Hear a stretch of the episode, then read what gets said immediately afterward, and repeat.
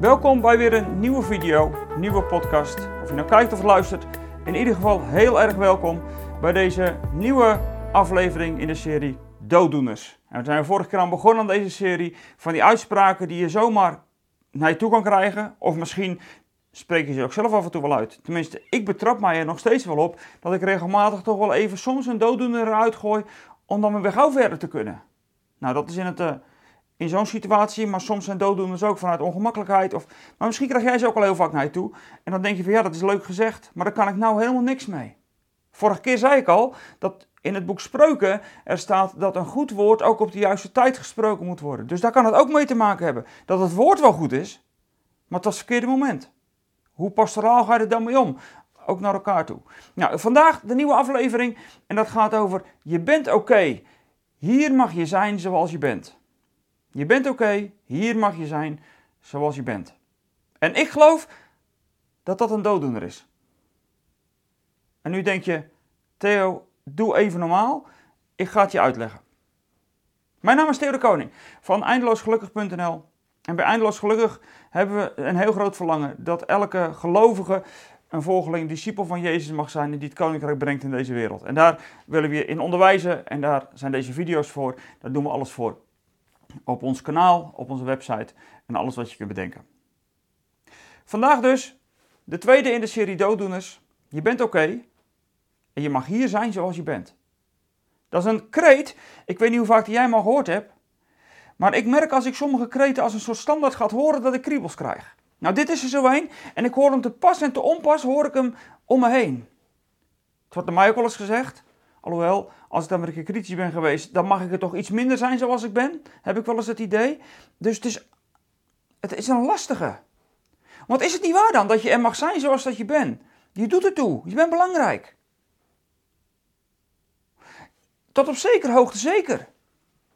Alleen, is dit nou wat we altijd tegen elkaar moeten zeggen? Of vergeten we dan wat? Nou, ik wil er met je heel kritisch naar kijken of dat deze uitspraak, en die hoor je in de maatschappij om je heen natuurlijk heel veel. Je hoort steeds vaker, ja, maar je mag zijn zoals je bent. En het vervelende is dat dat die manier van denken, die de hele samenleving doortrekt, omdat er zoveel beschadigd en kapot en gebroken is, is natuurlijk ook de kerken lang binnengekomen. Dus ook in heel veel gemeentes en heel veel kerken hoor je dit ook.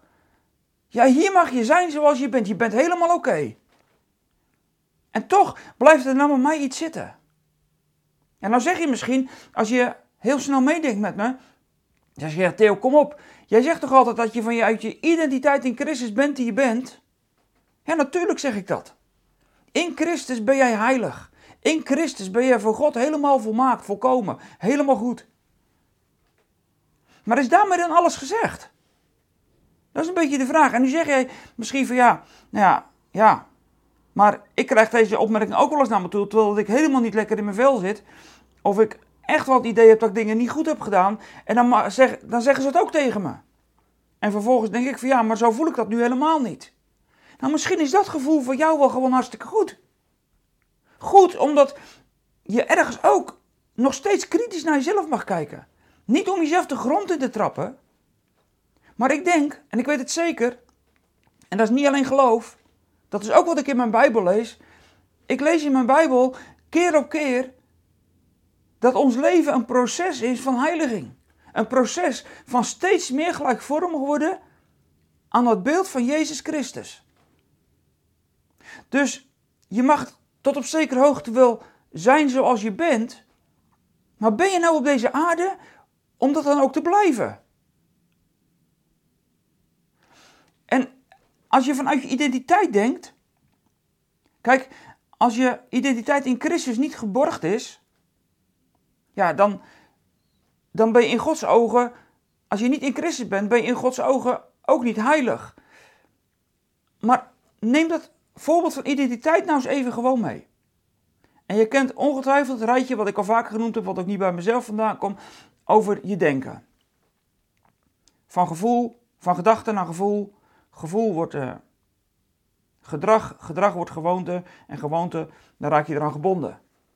Dat komt uit je identiteit vandaan. Dus als jij met een verkeerde identiteit naar jezelf kijkt, dan, ben je, dan, dan denk je dat je waardeloos bent, dan voel je je waardeloos en je gaat je waardeloos gedragen. Dat komt voort uit je denken en het komt voort uit je innerlijke mens en uit je identiteit. Je gaat je ernaar gedragen. En dan moet je identiteit eens meenemen naar je identiteit die jij in Christus hebt. Wat betekent dat dan? Ik denk dat ik heilig ben. Dat mag je dan ook, of mag je ook nog wel geloof invullen. Ik denk dat ik heilig ben. Ik voel me heilig. En ik ga me dus heilig gedragen.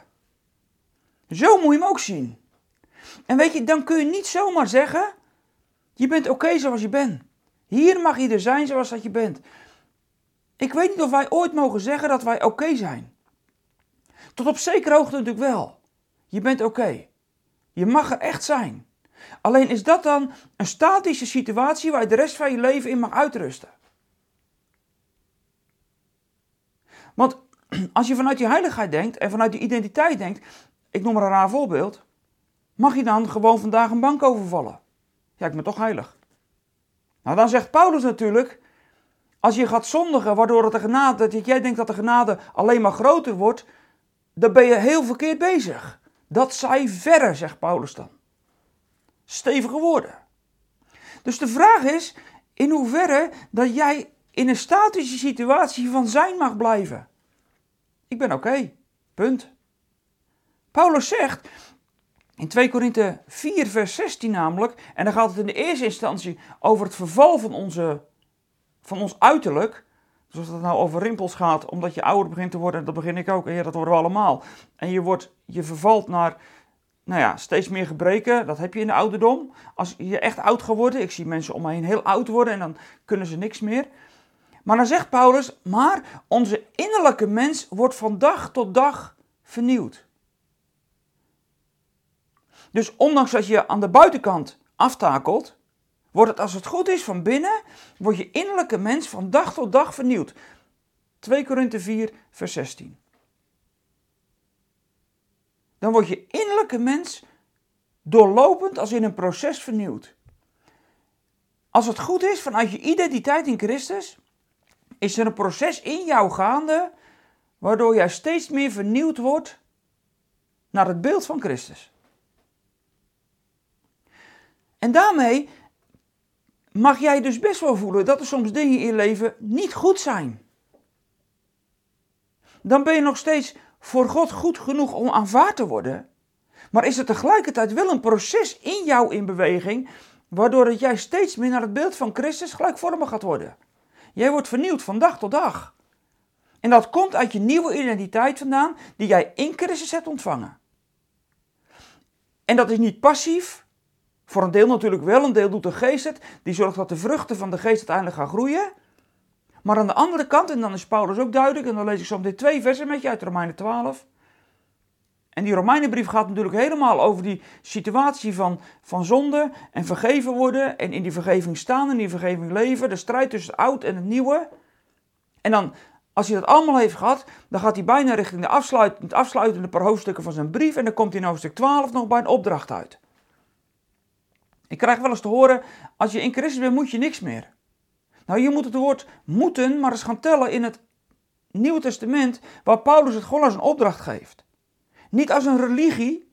Als het uit de religie is, om daarmee te voldoen, dan is het foute boel. Maar als je verlangt om vanuit die identiteit die jij in Christus hebt, ook steeds meer aan dat beeld van Christus, wiens identiteit jij draagt, om daarop te gaan lijken, dan krijg je handvaten van Paulus om daar iets mee te doen. En dan kun je dus niet meer zomaar zeggen: Ik ben oké zoals ik ben en ik mag er zijn zoals ik ben. Want dan, dat staat natuurlijk haaks op een leven wat niet naar Gods wil is. Twee versen uit Romeinen 12, waar Paulus heel duidelijk maakt waar het over gaat. De eerste twee versen van Romeinen 12. Broeders en zusters, met een beroep op Gods barmhartigheid vraag ik u om uzelf levend, heilig en God een welgevallig offer te zijn en in zijn dienst te stellen. Dat is de ware eredienst die van u wordt gevraagd. U moet uzelf niet aanpassen aan deze wereld, maar u veranderen door uw gezindheid te vernieuwen.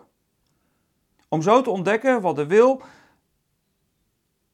wat, God wil en wat goed en volmaakt is en voor hem welgevallig is. Nou vind ik de MBV hier niet heel lekker vertaald, als ik heel eerlijk ben. Want als je in de herziene statenvertaling leest, en die lees ik zo ook even met je, dan wordt het duidelijk waar het echt over gaat. Er zijn in de MBV toch wat woorden weg hier, die ik wat lastig vind dan. Ik roep u ertoe op, broeders, zegt hij dan, en dan vergeet hij de zusters nog in de, nou ja, dat is een oude, in de MBV hebben we natuurlijk zusters toegevoegd. Dus het gaat hier ook gewoon over zusters. Ik roep u dan toe op, broeders en zusters, door de ontfermingen van God, om uw lichamen aan God te wijden als een levend offer. Heilig en voor God welbehagelijk. Dat is uw redelijke godsdienst. En wordt dan niet aan deze wereld gelijkvormig. Ook dit woord vind ik krachtiger hier. Het is gewoon duidelijk wat het over gaat. Wordt niet aan deze wereld gelijkvormig. Maar wordt innerlijk veranderd door de vernieuwing van uw gezindheid. Om te kunnen onderscheiden wat de goede en welbehagelijke en volmaakte wil van God is. Prachtige woorden zijn dit. Want dit is precies waar het christelijke leven over draait.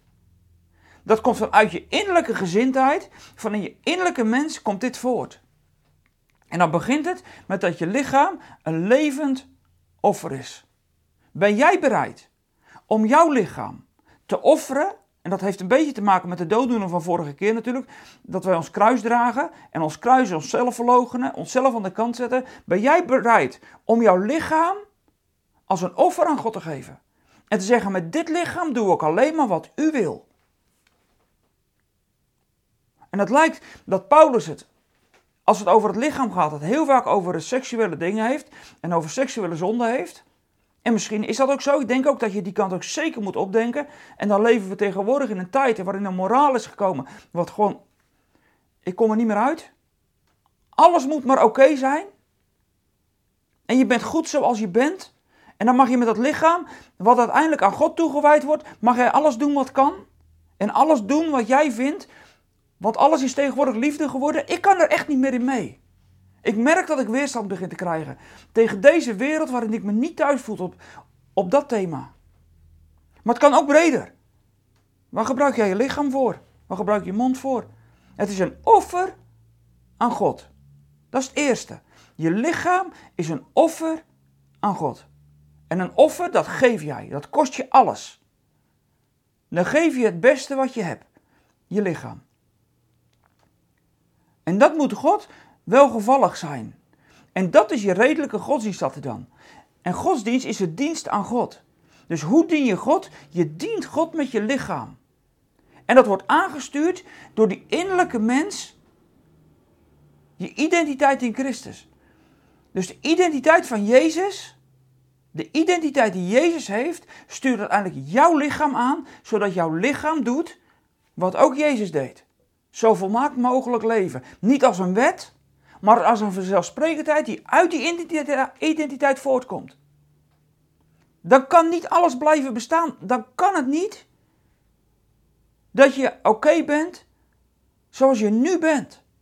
Want dan word jij van dag tot dag vernieuwd. Elke dag weer een stap. En natuurlijk struikelen we in velen. Dat weet ik ook, ik ook. Alleen, als je in Christus bent, dan is struikelen ook weer opstaan en het opnieuw gaan doen. Niet omdat je dan bij God afgeschreven bent, dan heb je religie. Maar vanuit je relatie met God wil je met je lichaam Hem dienen als, jou, als, jou, als jouw godsdienst. Als jouw dienst aan God. Dat is het eerste. En dan zegt Paulus erachteraan. En wordt niet aan deze wereld gelijkvormig. En onze wereld heeft een denkwijze die haak staat op het woord van God. Als je vanuit de scheppingsorde gaat denken, dan zie je wat God bedoelde. Dat is de eerste stap. Als je wil weten wat God bedoelde, dan moet je terug voor Genesis 3. En voor Genesis 3, dan zie je wat de scheppingsorde van God is. En vanuit die scheppingsorde komt dan later, komen de tien woorden van God, de grondwet van het koninkrijk zou je kunnen zeggen. En vervolgens werkt Jezus dat uit in de bergreden en op die bergreden bouwen dan de apostelen in hun brieven verder. Waarin er soms ook nog een verschil is wat bijvoorbeeld Paulus zelf vindt en wat God vindt. En deze wereld is niet het koninkrijk. Het denken van deze wereld is niet het denken van het koninkrijk van de hemel. Zoals in de hemel, zo ook op aarde, wat we ook in die serie over het gebed nog hebben gezegd. Wat in de hemel is, zo ook op aarde. Die hemelse manier van denken is een andere dan die van deze wereld. En wordt aan deze wereld niet gelijkvormig. Waarin alles normaal moet zijn. Waarin ik merk dat dingen die bestaan, die zichtbaar en tastbaar zijn, dat je moet geloven dat het er niet is. En dan heb ik het over allerlei vormen van leven. Dan heb ik het over vormen van relaties. Dan wordt er een wet ter wereld geroepen om alles maar zomaar te kunnen waar de mens zin in heeft. ik zal met naam noemen die transgenderwet. Dus moeten wij iets gaan geloven wat er wel is en toch niet. Ik kan er echt niet in mee. En niet omdat ik mensen met een andere geaardheid of andere problemen negeert, niet lief heb of aan de kant zet, maar omdat ik vanuit het gelovende God die ik dien, wil leven vanuit de scheppingsorde. Dat is de basis hoe God het bedoelde. Zo is het vanaf de beginnen geweest, zegt Jezus dan. En dat hele denken eromheen, en niet alleen dat natuurlijk, het hele liberale denken van wat ik wil en wat ik kan en wat ik zal en mijn, en mijn carrière en mijn zelfontplooiing. We ontplooien onszelf wel in de kerk tegenwoordig. En dan zeggen we, ja, maar je mag ook zijn zoals je er bent. Bouw door aan jezelf. Is dat nou echt wat Jezus van ons vraagt? Is dat die zelfverloochening? Is dat je lichaam als een offer wijden aan God? Is dat gelijkvormig worden aan de hemelse cultuur?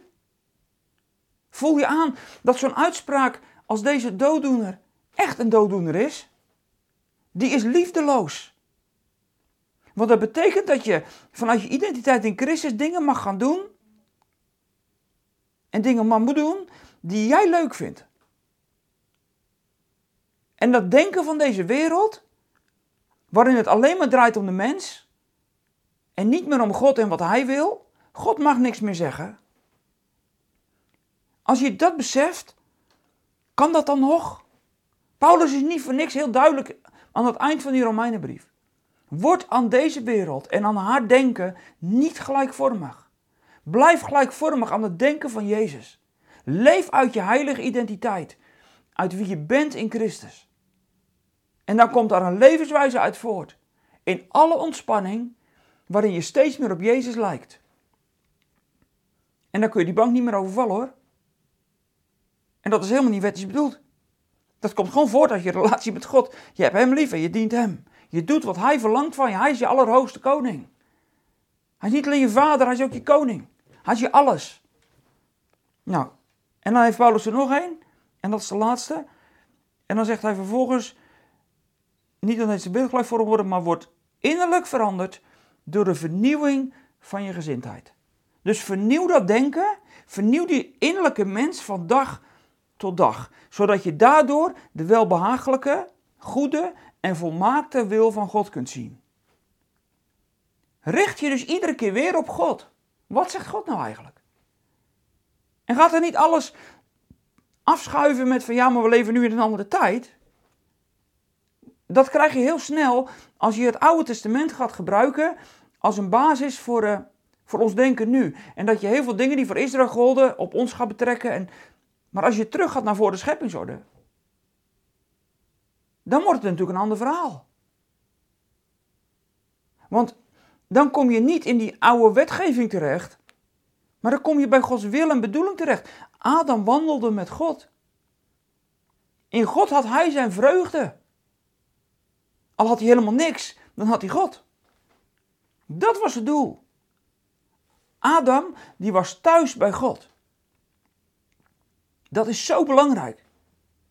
Ook dat is scheppingsorde, het thuis zijn bij God. Het is niet alleen hoe God het gemaakt heeft, maar het is ook wat God beschikbaar stelde. Adam mocht thuis zijn bij hem. En als je je nou in deze wereld met alles eromheen niet thuis voelt, leef dan in deze wereld, maar wees thuis aan het vaderhart van God. Dat is je thuis. Dat is je voedingsbron. En daar komen alle daden vanzelf uit voort. Want vanuit je denken en geloven komt het in je gevoel, komt het in je gedrag en wordt het een gewoonte om uit te leven. Dan leef je in hemelse cultuur hier op aarde. Ja, en dan krijg je weerstand en dan vinden mensen je echt dwaas en dan spoor je van geen kant.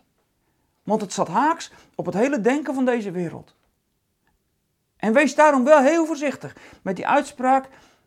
Je bent oké en je mag zijn zoals je bent. Weet je, ik zou hem iets willen aanpassen en zeggen van nou, je bent oké zoals je komt.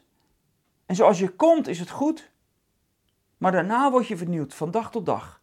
En word je steeds meer aan Jezus gelijk, tot Jezus jou helemaal vernieuwt en jou in zijn nieuwe toekomst neerzet, volmaakt aan zijn beeld gelijkvormig. En tot die tijd is ons leven een proces van vernieuwing. Je bent niet. Je bent niet oké. Zoals je bent. Dat kan helemaal niet. Je mag oké zijn zoals je komt. Maar je bent niet oké zoals je bent. Dat zijn we geen van allen.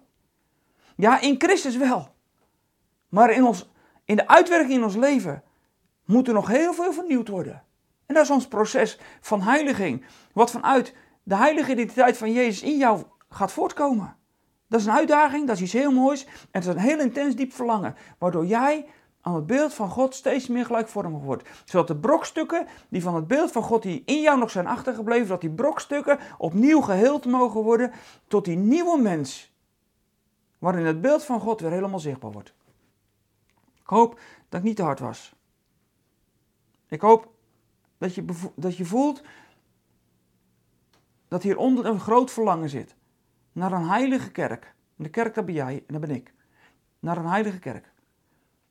Die niet mee wil met deze wereld waarin alles normaal wordt gevonden wat niet normaal is. Maar dat we steeds meer verlangen om op Jezus te lijken. Niet alleen in het liefhebben van de ander, maar ook in de keuzes die we maken. Nou, genoeg voor nu. Goed dat je gekeken hebt, fijn dat je erbij was. Reageer gerustig in de comments. Je mag je vragen stellen. Je mag ook kritisch zijn. En ik heb niet op alles een antwoord.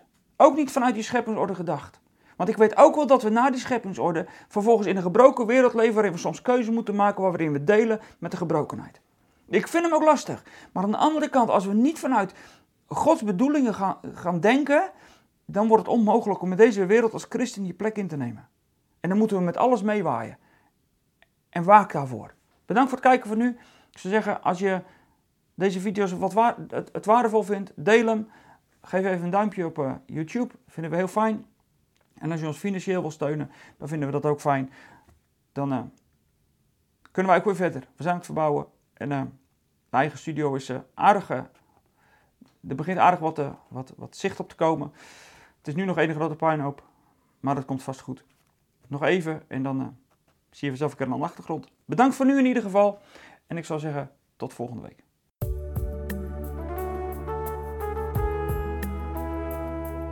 Zijn er weer aan het einde van deze podcast. Spreken deze podcast je aan en wil je ons met de gift ondersteunen? Kijk dan voor meer informatie op www.eindeloosgelukkig.nl slash podcast.